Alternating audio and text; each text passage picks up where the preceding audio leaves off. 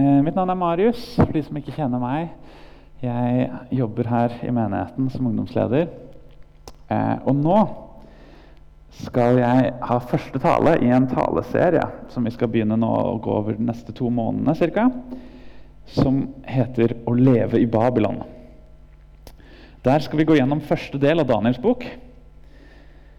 Og Det tror jeg blir veldig veldig spennende. Eh, Tittelen er kanskje litt sånn mystisk for noen av oss, eh, men jeg tror det kommer til å bli mer klart utover talen.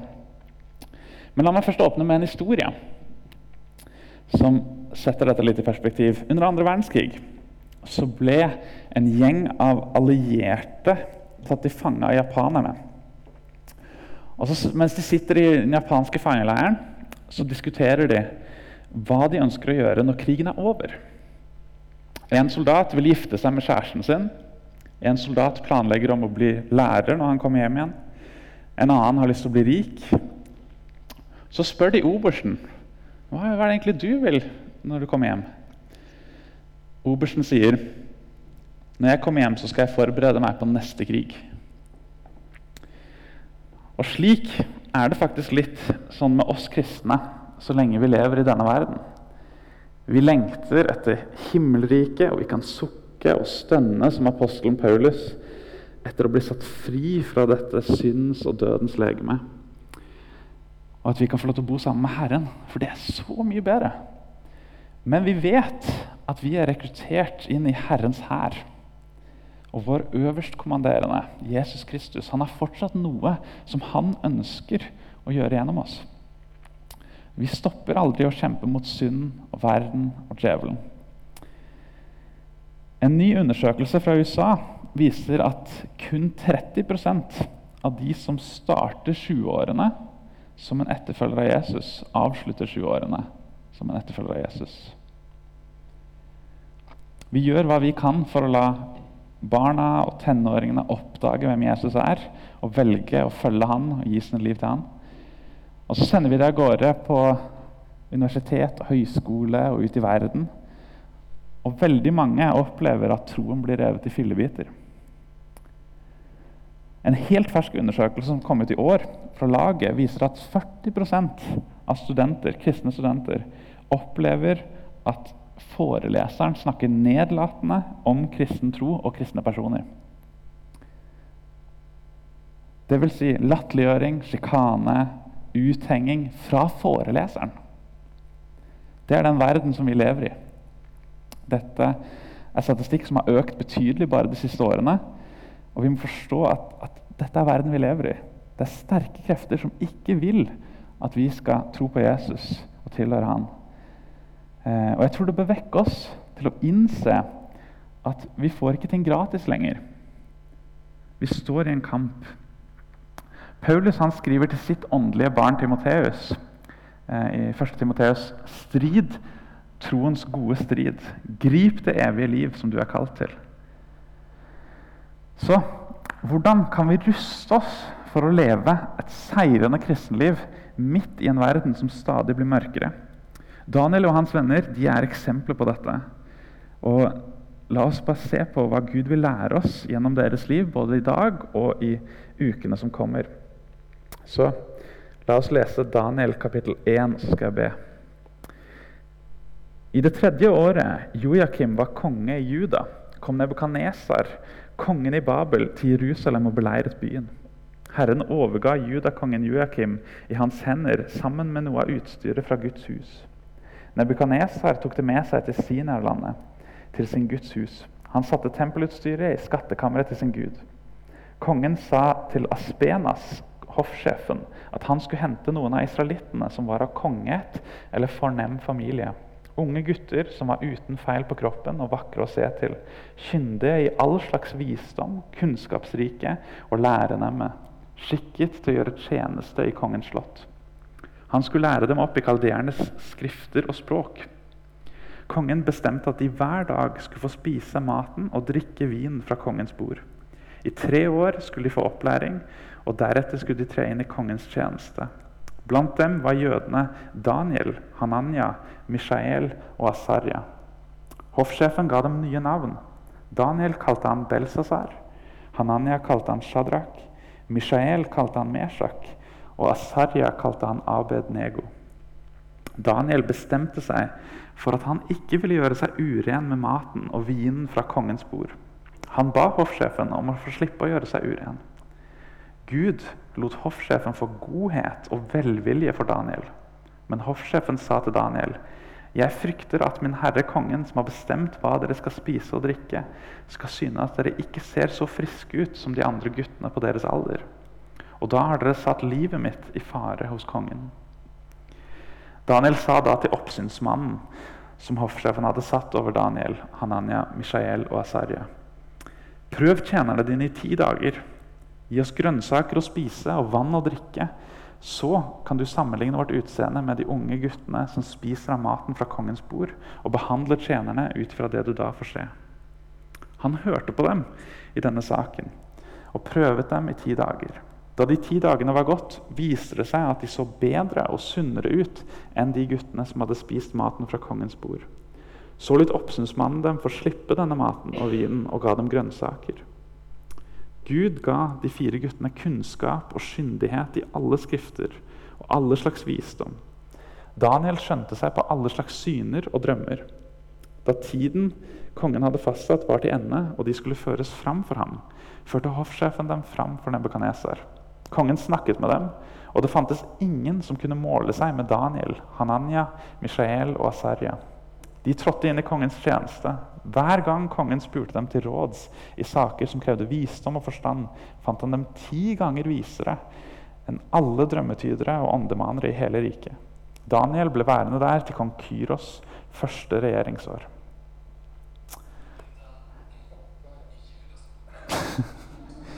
Far, vi ber om at du eh, må åpenbare dette ordet for oss. At du må tale det som er på ditt hjerte, og som hver enkelt her trenger å høre. I Jesu navn. Amen. Først litt historisk kontekst. Eh, jeg kommer til å gå litt mer inn i dette denne gangen. i og med at det er første kapittel. Eh, dette skjer etter 120 år med advarsler hvor Gud har sendt ulike profeter til Israel og til Juda og bedt dem om å vende om fra sine onde handlinger. Eh, faktisk så er det slik at Nesten alle profetbøkene som er i Bibelen, er fra nettopp denne perioden. Både liksom rett før og rett etter eh, eksilet i Babylon. Vi skal lese fra Jesaja 39. Og det som har skjedd rett før her, er at Hiskia, som er konge i Juda, han har vist Babelkongen alt av rikdom i tempelet og i skattekamrene i Jerusalem. Og så kommer Jesaja til ham, eh, og så står det eh, Da kom profeten Jesaja til kong Hiskia og spurte ham hva sa disse mennene, og hvor kom de fra? De kom til meg fra et land langt borte, svarte Hiskia. Fra Babel. Hva fikk de se i slottet ditt? spurte profeten. Hiskia svarte. Alt som finnes i slottet, fikk de se. Det var ikke den ting i skattekamrene som jeg ikke viste dem. Da sa Jesaja til Hiskia. Hør ordet fra Herren over hærskarene. Se, dager skal komme da alt som er i slottet ditt, det som fedrene dine har samlet denne dag, skal føres bort til Babel.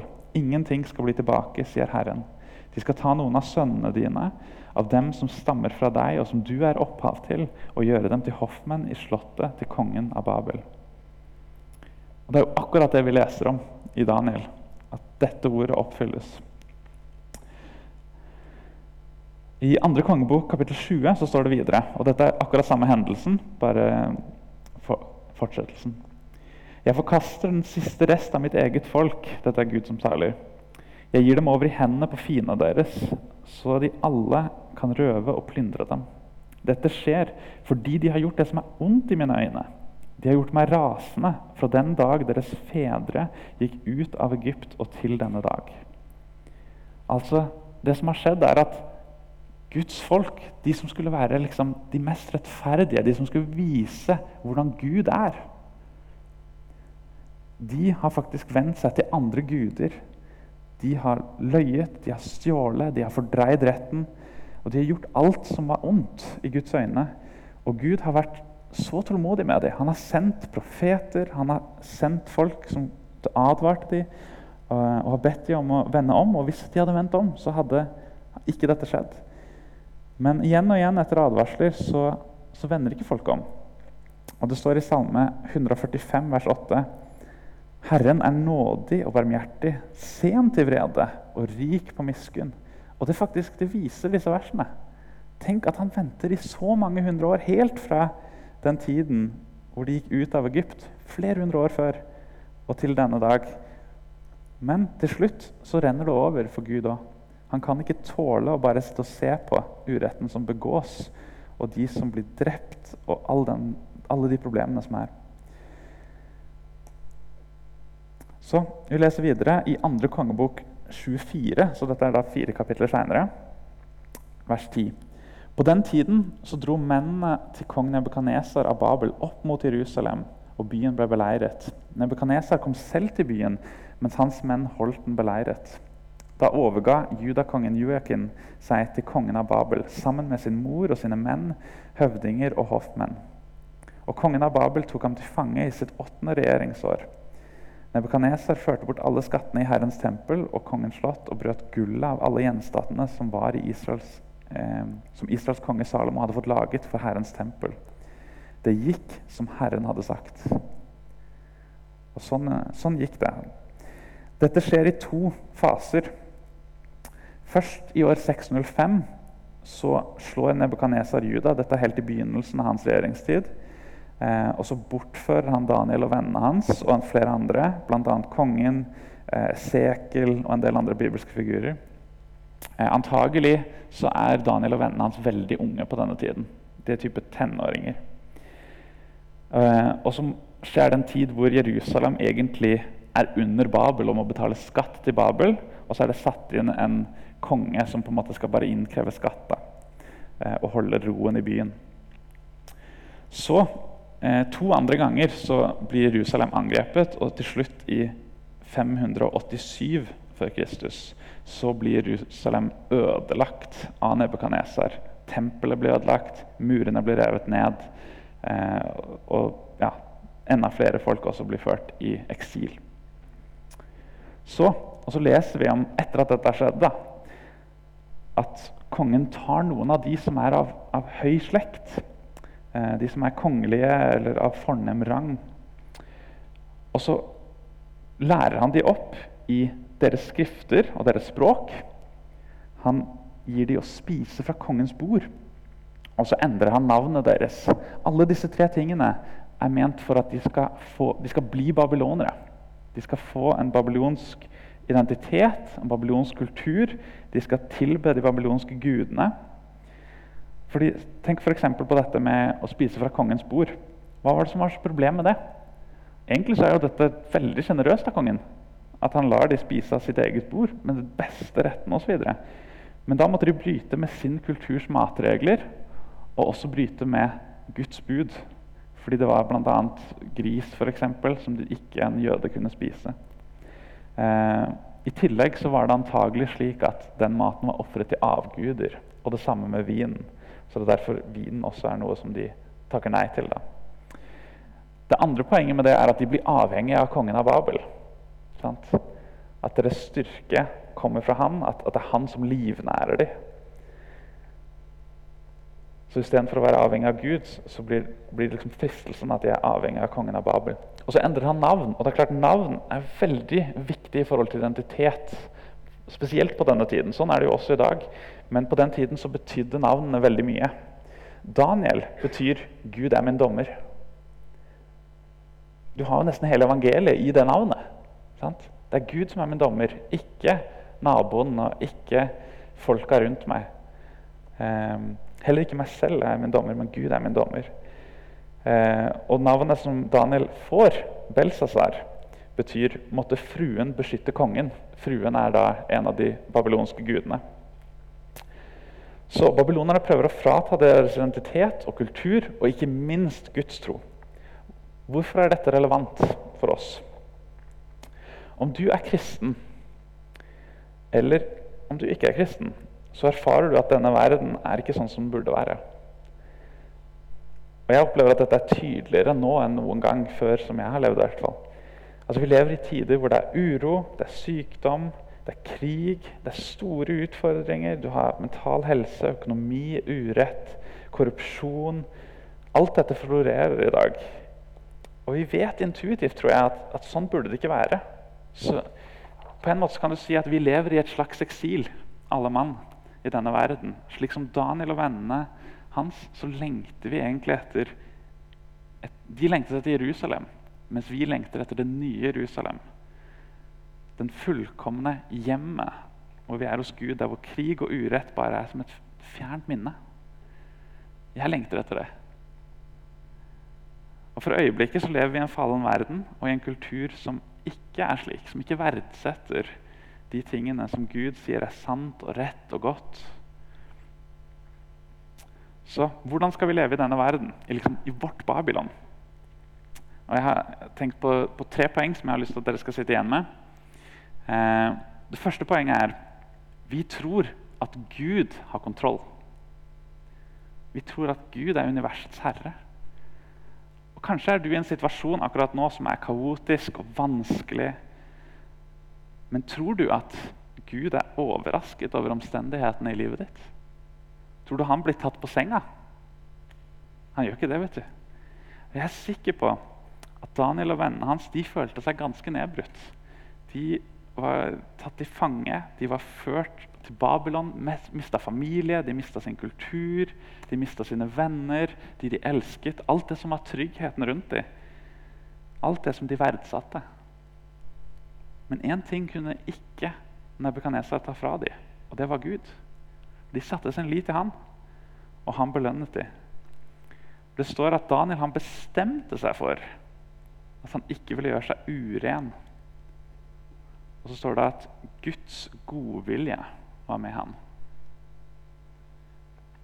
Hva er det du har bestemt deg for? Koste hva det koste vil. Har du bestemt deg for at jeg vil stole på Gud? Han har lovet å kjempe for meg. Han har lovet å aldri forlate meg. Selv om jeg akkurat nå kanskje du er i den situasjonen at akkurat nå sitter du i et mørke, så står det at Herren skal være lys for meg. Han vil gi meg visdom, han vil gi meg styrke, alt jeg trenger til å overvinne enhver motstand. Gud er mektigere enn omstendighetene i livet ditt. Så Det er det første poenget. Gud han har kontroll. Han er mektigere. Poeng nummer to. Vi er tro mot Guds oppdrag.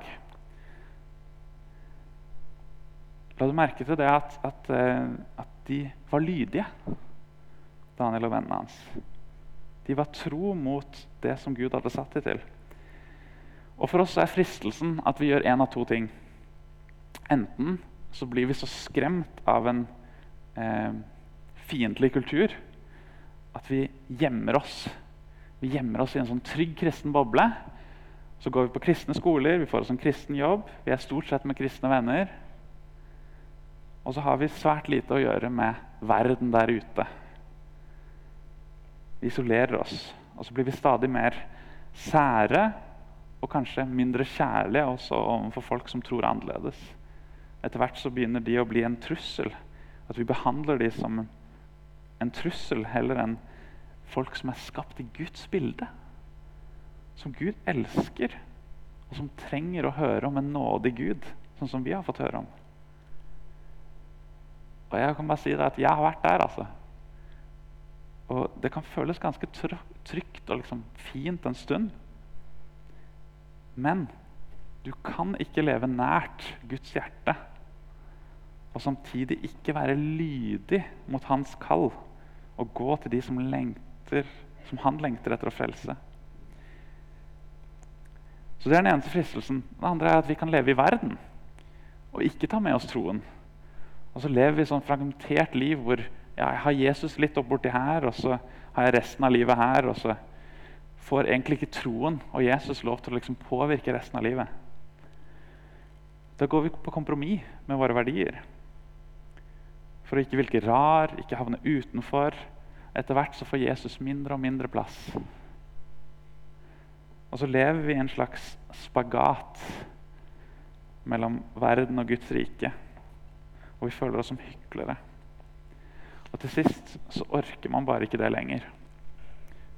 Og jeg har også vært der. En lunken kristen. Og jeg var full av selvfordømmelse. Uten fred i hjertet, uten den gleden som er å finne hos Jesus. Uten kraft eh, til å være et lys og til å være til håp for mine omgivelser. Sånn som Jesus sier at vi skal være.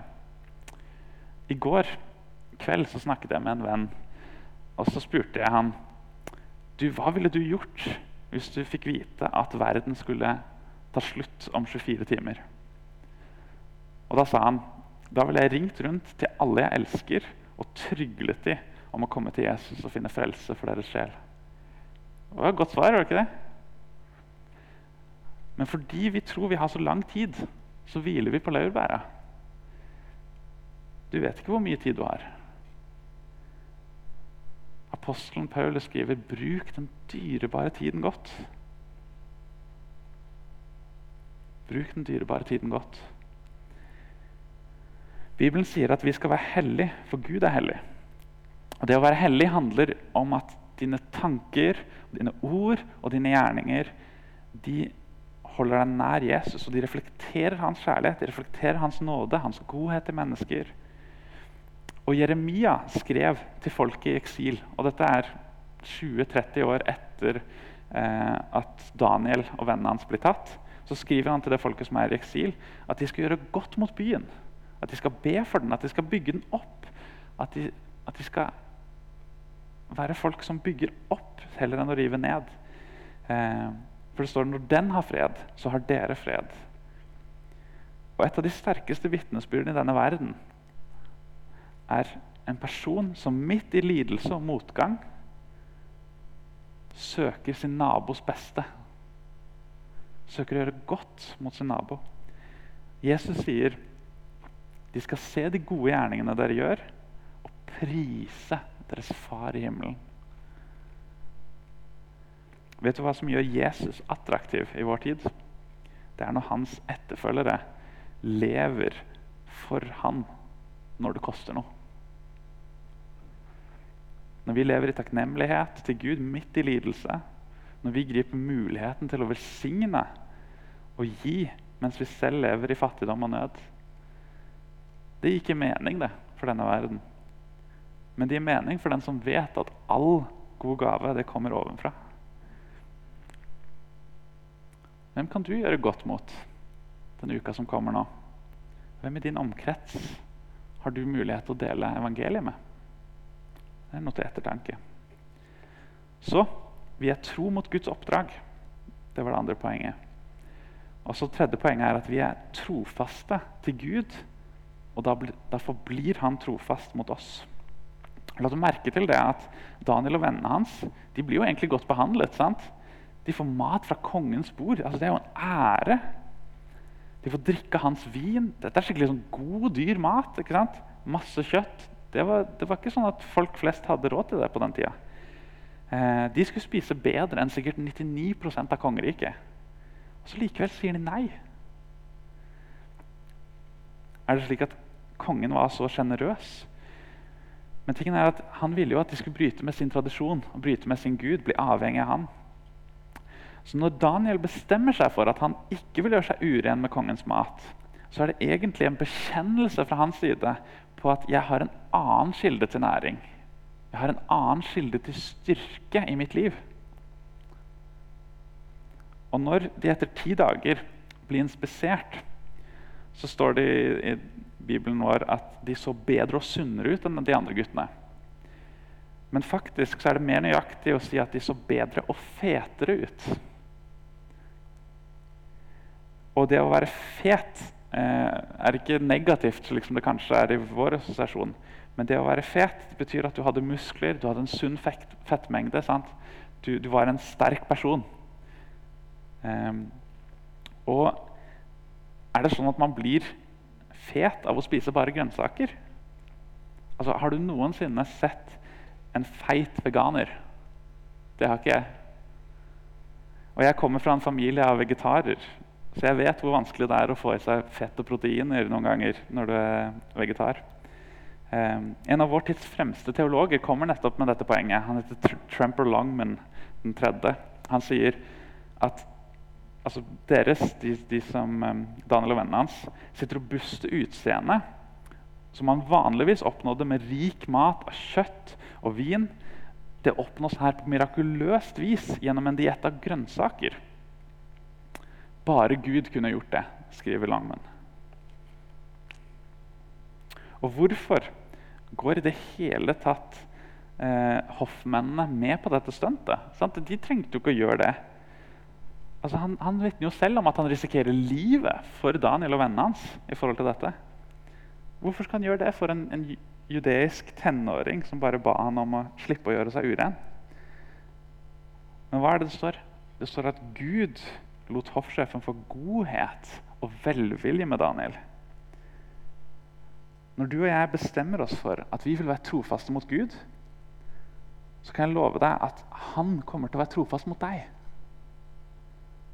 Hans godhet skal gå foran deg som en plog, og hans nåde bak deg som et skjold.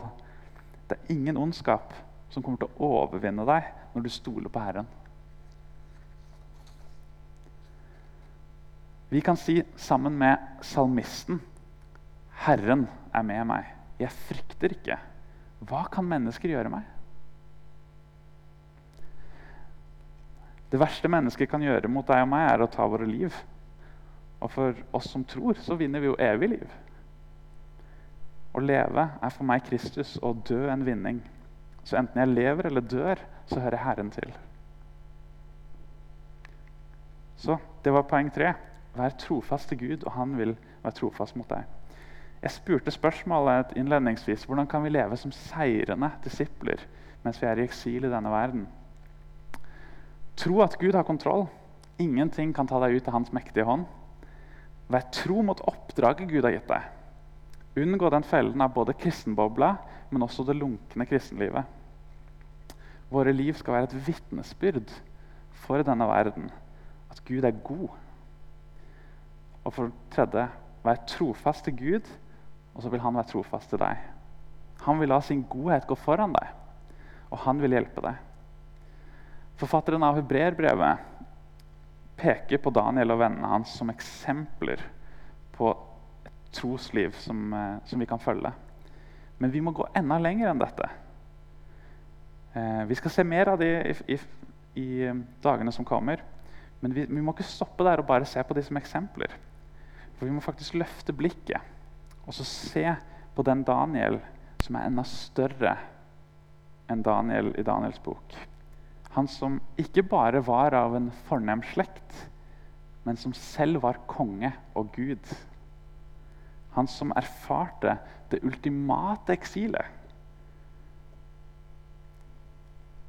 Han som var Gud, ble menneske og måtte lide og dø på et kors enda han ikke hadde gjort noe galt.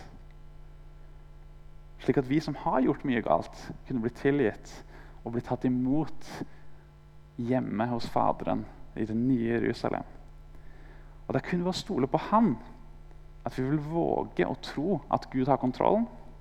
Det er kun ved å verdsette Han over alt annet at vi kan være tro mot det oppdraget som Gud har gitt oss, når det virkelig koster noe. Vi har noe som er mer verdifullt. Og det er kun ved å se hans trofasthet og kjærlighet til oss at vi kan få bli trofaste mot ham like til det siste åndedrag. La oss be.